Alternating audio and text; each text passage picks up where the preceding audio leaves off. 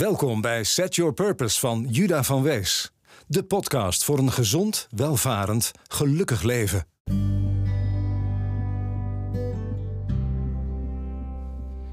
Dit is een van de meest mooie, inzichtelijke podcasts geworden die ik tot nu toe heb gemaakt.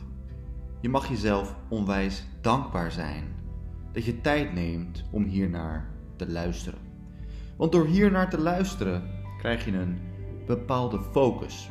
Geef je je aandacht aan gedachten die bijdragen aan een gezonder, welvarender, gelukkiger leven.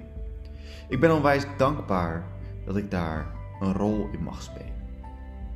Welkom bij episode nummer 37 van Set Your Purpose. Vandaag gaan we het hebben over voorkomen of creëren. Nu is de tijd om een keuze te maken. De keuze dat jij de kapitein van jouw schip bent. Het schip van jouw leven. Je bepaalt misschien niet hoe de wind staat, maar wel hoe je zeilen staan. Nu is de tijd dat jij je zeilen bijstelt om jouw doelen te gaan bereiken. Nu is de tijd dat jij je eigen gedachten gaat kiezen. Dat is mijn droom. Want hoe we denken heeft invloed op onze realiteit. De vaste luisteraars weten dit onderhand. Of het wereldberoemde boek Think and Grow Rich van Napoleon Hill zei het op deze manier: What the mind can conceive and believe, it can achieve. Vandaag gaan we het over een subonderwerp daarvan hebben. Namelijk een uitspraak van Aristoteles, een van de grootste filosofen ooit. Ergens rond de jaarwisseling in de Griekse oudheid, die nog steeds waar is gebleken. En die uitspraak is: Wat je aandacht geeft, groeit. Heb je wel eens gehad dat je een nieuwe auto had gekocht en dat je ineens tijdens het rijden ermee veel meer dezelfde modellen op de weg zag rijden? Dat is niet zozeer omdat er spontaan ineens meer van die auto's rondrijden. Dat is omdat jouw focus bepaalt wat je ziet. Jouw focus bepaalt jouw realiteit. De iPhone heeft tegenwoordig ook iets cools bij het maken van foto's: de portretmodus. En daarmee kan je de focus leggen op iets specifieks in je foto en de rest wordt dan wazig. In het eindresultaat zie je vrijwel alleen nog hetgeen waarop je focuste. De rest is een vage achtergrond. Je hebt nu bijvoorbeeld een foto gemaakt van 10 mensen, maar het echte resultaat is dat het eigenlijk een foto is van één persoon die voorop stond en de rest is een soort vage achtergrond. Het hadden net zo goed standbeelden kunnen zijn. Met alle respect voor die mensen uiteraard. Ik hoop dat ik hiermee niemand heb beledigd. Thanks voor het bestaan of zo. Maar stel dat deze foto op een billboard wordt gezet om het hele team van een bedrijf te promoten. Deze foto draait uiteindelijk nog maar om één persoon. En daar gaat dan ook de aandacht naar. Door de focus is dit waar de aandacht heen gaat en groeit vooral de voorste persoon in bekendheid, bijvoorbeeld. Ik weet niet of dit heel duidelijk was, maar er komen in de hele podcast nog een hele hoop eh, relevante voorbeelden om dit principe te gaan snappen. Vandaag gaan we namelijk kijken naar een aantal van de meest invloedrijke mensen die geschiedenis hebben geschreven. Met het principe dat we vandaag bespreken: creëren in plaats van voorkomen. En laten we gelijk maar beginnen met een hele grote, een heel mooi voorbeeld van iemand die de wereld heeft veranderd door te focussen op creëren in plaats van voorkomen. Het is iemand die was uh, voor vrede in plaats van tegen oorlog. Dus hij wilde geen oorlog voorkomen, maar vrede creëren. En de man waarover we het hebben is Mohandas Karamchand Gandhi. Ook Mahatma Gandhi genoemd trouwens. Geboren in 1869, overleden in 1948.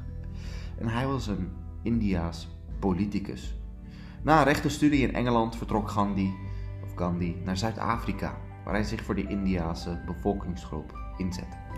En na terugkeer in India werd hij leider uh, van de Indiase onafhankelijkheidsstrijd. Hij wilde India onafhankelijk maken.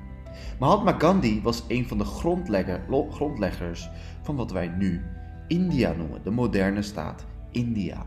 En voorstander van iets wat ze uh, actieve geweldloosheid noemen. als middel van een revolutie. En een revolutie heeft hij toch wel zeker bewerkstelligd zonder geweld. Gandhi was op school een middelmatig student aan de Universiteit van Bombay. In 1888 kreeg hij op zijn negentiende de mogelijkheid om rechten te studeren aan het University College London. Engeland viel hem eigenlijk heel erg tegen, want hij kon er bijna niet vegetarisch eten en werd ook, uh, ja, er werd heel veel alcohol gedronken in zijn omgeving. Dus Gandhi die sloot zich aan bij de Vegetarian Society en begon een regionale afdeling. En in die tijd was vegetarisch zijn nog niet zo hip als nu. Waarschijnlijk wat ik in tijd geen vegetariër geweest. Dus. Maar in India was het wel iets gebruikelijker. In 1891 voltooide Gandhi, of Gandhi zijn studie en keerde terug naar India. Zijn advocatenkantoor had weinig succes en in 1893 nam hij in Natal in Zuid-Afrika aangeboden werk aan. De periode in Zuid-Afrika was zeer belangrijk voor zijn latere vorming. Hij werd in Pietermaritzburg vanwege zijn huidskleur uit de trein gezet, omdat hij weigerde met zijn eerste klaskaartje in de derde klas te gaan zitten. Er was ook racisme in Engeland geweest, maar daar werd hij toch vaak als lid van de elite gezien. In Zuid-Afrika werd hij echter vaak als uitschot behandeld, door zijn huidskleur dus. Deze harde confrontatie zorgde ervoor dat hij anders naar de wereld ging kijken. Gandhi begon zich te bemoeien met rechtszaken die draaiden om de burgerrechten van Indiase immigranten. In september 1906, tijdens een bijeenkomst in Johannesburg, nog steeds in Zuid-Afrika dus, introduceerde Gandhi de Satyagraha. Trouw aan de waarheid betekent dat in Sanskriet. En zette hij zijn plannen om over te gaan tot vreedzaam protest uiteen. Gandhi riep het volk op zich te verzetten tegen de pasjeswetgeving. Maar er mocht geen geweld worden gebruikt en niet eens worden gescholden. In de zeven jaar die hierop volgden werden duizenden in elkaar geslagen, gevangen gezet en vernederd. Maar er werd van de kant van de Indiërs geen geweld gebruikt. Het publiek in Zuid-Afrika, Zuid-Afrika begon meer en meer sympathie te krijgen voor Gandhi. En uiteindelijk was generaal Jan Christian Smuts gedwongen om met Gandhi te onderhandelen. Satyagraha, Sanskriet is dat. Het is een filosofie uh, en grondbeginsel ontwikkeld door Gandhi dat verband houdt met geweldloze protesten of burgerlijke protesten. Gandhi gebruikte de filosofie tijdens zijn strijd voor een onafhankelijk India en in de dus, eerder dus zoals net besproken, in Zuid-Afrika. Burgerlijke ongehoorzaamheid en boycotts moesten de voornaamste wapens van zijn protestacties vormen. De term is een samentrekking van satya en van agraha, beide Sanskriet voor de waarheid en vasthouden aan. En het berust op een aantal basisprincipes. Zoals, het zijn er elf. Eén is geweldloosheid, de belangrijkste. Twee is waarheid, dus ook eerlijkheid. Drie, geen diefstal. Vier, kuisheid. Vijf, geen bezittingen. Zes, lichamelijke arbeid, dus je ook inzetten, lichamelijk gezien. Zeven, controle over het verhemelte, oftewel letten op wat je zegt. Acht, geen angst. 9. Gelijk respect voor alle religies. 10. Economische strategieën zoals boycotts. 11 vrijheid van onaanraakbaarheid. Dus beschikking over je eigen leven. Gandhi is hierdoor een heel mooi voorbeeld, want wat hij dus heeft gedaan is focussen op vrede en ook aandacht geven aan vrede. Uiteenzetten wat dat dan betekent en nooit tegen dingen zijn. Natuurlijk is een boycott tegen iets, maar uiteindelijk heeft Gandhi wel het goede voorbeeld gegeven, wel gefocust op wat hij dan wel wilde. Hij was niet tegen oorlog, maar voor vrede. Een andere man die ook onwijs invloedrijk is geworden en de wereld toch wel zeker significant heeft veranderd, was niet tegen discriminatie, maar voor gelijkheid. En deze man was Martin Luther King, die trouwens ook geïnspireerd was door de Satyagraha, zo ook Nelson Mandela. Ze hebben eigenlijk dezelfde methodiek als Gandhi gehanteerd. Martin Luther King, oorspronkelijk Martin Luther King Jr., was geboren in 1929 in Georgia trouwens. En hij ging dood in 1968, niet heel oud geworden, dus 39. En hij was een uh, Amerikaanse baptistendominee. Een politiek leider ook later. En een van de prominentste leden van de Afro-Amerikaanse burgerrechtenbeweging. En Martin Luther King die werd beroemd in de jaren 50, 60 dankzij zijn geweldloze verzet tegen de rassenscheiding in de VS. Onder meer door de mars naar Washington op 28 augustus 1963 en het boycotten van stadsbussen die blanken bevooroordeelden. Zijn verbale en retorische vaardigheden en zijn charismatische uitstraling leverden hem heel veel roem op. Maar King had ook vijanden. Tijdens de betoging in 1963 hield hij op de trappen van het Lincoln Memorial zijn legendarische I Have a Dream toespraak. Waarin hij hoop uitsprak dat mensen ooit op hun gedrag en niet op hun huidskleur beoordeeld zouden worden. Een jaar later, op 10 december 1964, kreeg hij de Nobelprijs voor de Vrede. In 1964 heeft hij trouwens ook uh, een bezoek gebracht aan Nederland. Leuk weet je, dat wist ik niet. Daar kwam ik achter toen ik onderzoek deed naar de heer King. In 1968 werd Martin Luther King op 39-jarige leeftijd doodgeschoten. Terwijl hij op het balkon van het Lorraine Motel in Memphis stond. Dit was een tragisch dieptepunt in de roerige jaren 1960. Waarin ook andere progressievelingen en voorvechters van burgerrechten in de VS zoals JF Kennedy en Malcolm X en Robert F. Kennedy, Kennedy slachtoffer werden van geweld. I Have a Dream is het voorbeeld van focussen op wat je wilt creëren in plaats van wat je wilt voorkomen. Ik doe zijn speech even na, zodat je een beeld krijgt bij wat die speech precies was. Let wel, mijn retorische vaardigheden zijn niet zo goed als die van, hij, van hem, dus ik ga mijn best doen. Uh, om het net zo impactvol te maken, maar dat gaat helaas niet lukken. I have a dream that one day this nation will rise up and live out the true meaning of its creed. We hold these truths to be self evident that all men are created equal. I have a dream that one day on the red hills of Georgia, the sons of former slaves and the sons of former slave owners will be able to sit down together at a table of brotherhood. I have a dream that one day even the state of Mississippi, a state sweltering with the heat of injustice and sweltering with the heat of oppression, will be transformed into an oasis of freedom and justice. I have a dream that my four little children will one day live in a nation where they will not be judged by the color of their skin, but by the content of their character. I have a dream. Dit was eh, een klein deel van zijn speech, maar je ziet maar eens hoe krachtig uh, deze speech was. en hoeveel indruk dat gemaakt moet hebben daarop te trappen. Het laatste voorbeeld, een groot voorbeeld wat ik wilde noemen, is de Dalai Lama, die het voorbeeld gaf door voor empathie en verdraagzaamheid te zijn voor zijn vijanden in plaats van tegen ze te zijn. De Dalai Lama is de belangrijkste Tulku, gereïncarneerde lama, van de Geluk, een van de tradities binnen het Tibetaanse boeddhisme.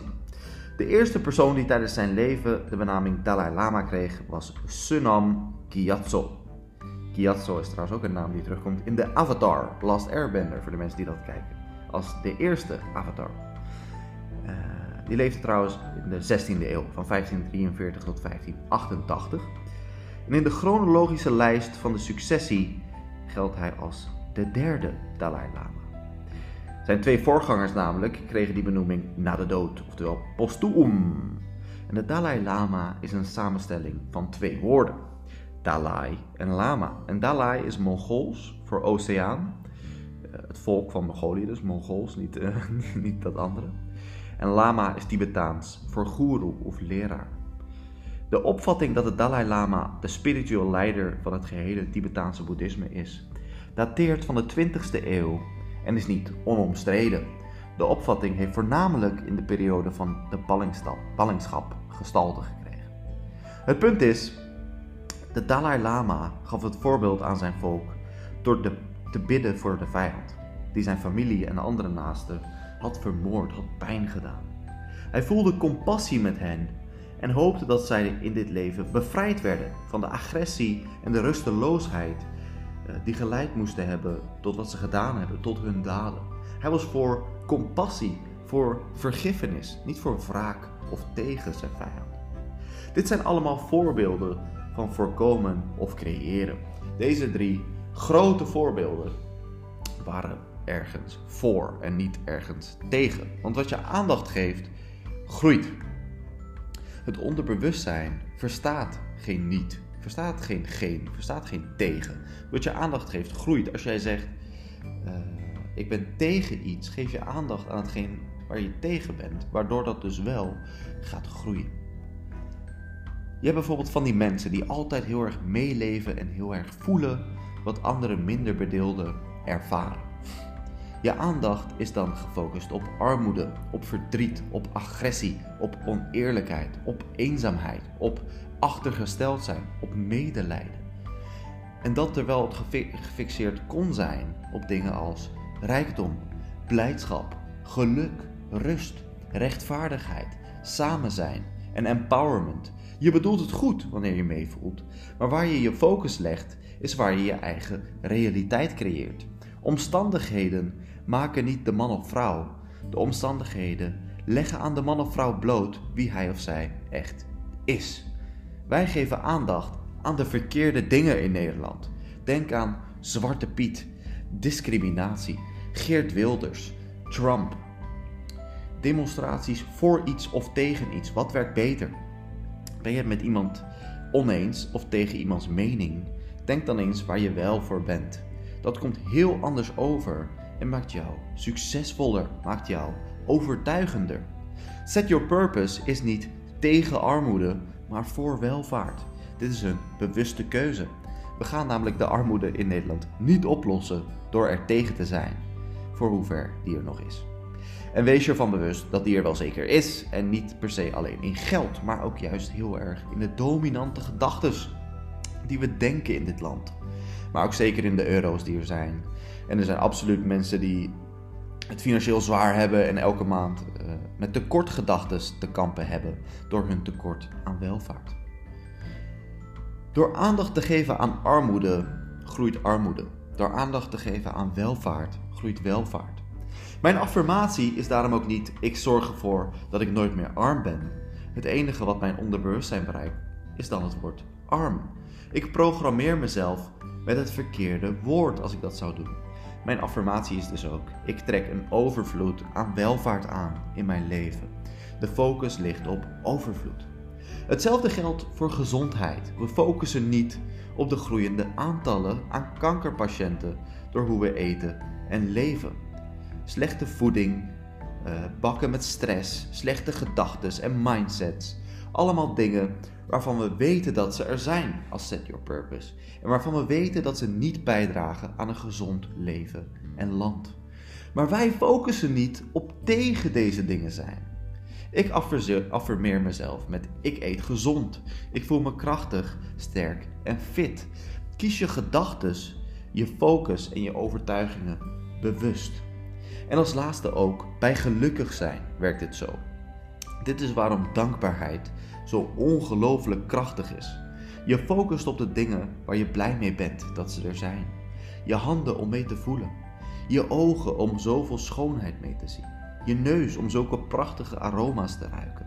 Wat zou je dat missen als het niet meer kon? Denk je niet? Zo zijn we dus niet bezig met wat ons ongelukkig maakt en daartegen zijn, denk aan onrecht, want er zijn duizend dingen die je kan bedenken die nergens op slaan in de wereld, die super oneerlijk zijn in het leven. Baby's die net geboren zijn en doodgaan.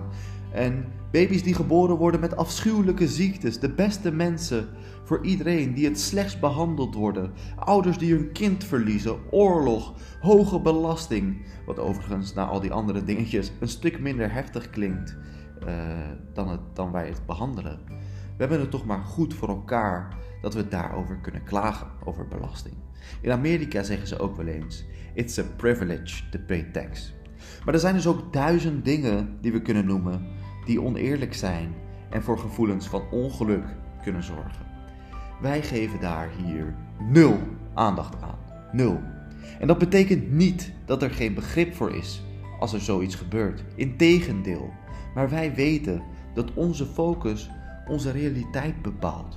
En dat betekent ook niet dat we ons vervreemden van de realiteit, maar wel dat we onze eigen gedachten kiezen. En ons doel is gelukkig zijn, dus kiezen we ervoor onze focus te leggen op gedachten die, die dat voor ons bewerkstelligen. Zoals gedachten van dankbaarheid. Want net zoals er duizend dingen zijn die we net noemden om ongelukkig van te worden, zijn er ook minstens duizend dingen om heel gelukkig van te worden, waar we op kunnen focussen. Wat een geschenk om onze eigen gedachten te mogen kiezen en ons eigen lot zo te bepalen. Ik affirmeer mijn dankbaarheid dagelijks en ook mijn geluksgevoel. Leuke opdracht voor vandaag misschien. Denk eens na over de dingen waar je tegen bent, waar je bang voor bent, dingen die je wilt voorkomen. Kun je een manier bedenken waarop je je aandacht verschuift naar waar je dan voor bent? Wat is het dan dat je wel wilt dat er gebeurt? Want als je angst kunt visualiseren, wat als het misgaat, dan kun je ook het mooiste scenario voor je zien. Doe dat eens. Creëer je toekomst. Elke gedachte vormt zich tot iets in de echte wereld. Denk maar eens terug.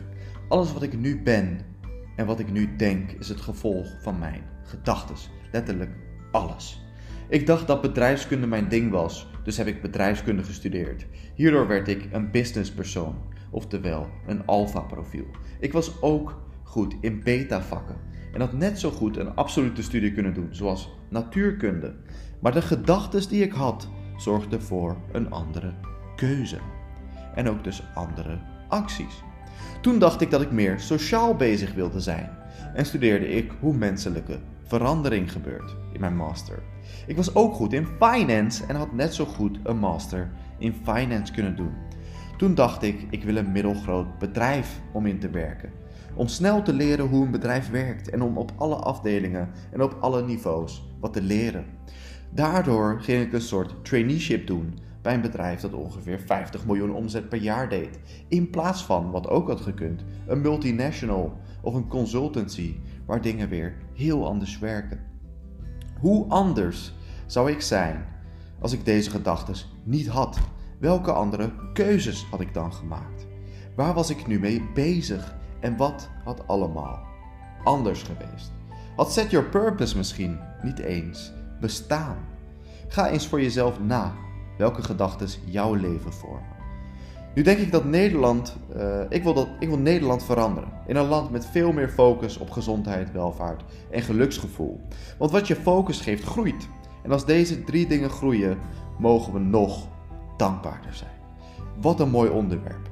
Ik hoop dat jullie hebben genoten van de podcast en wens jullie een onwijs mooie kerst en jaarwisseling, mochten we elkaar voor die tijd niet meer horen. Don't forget to set your purpose.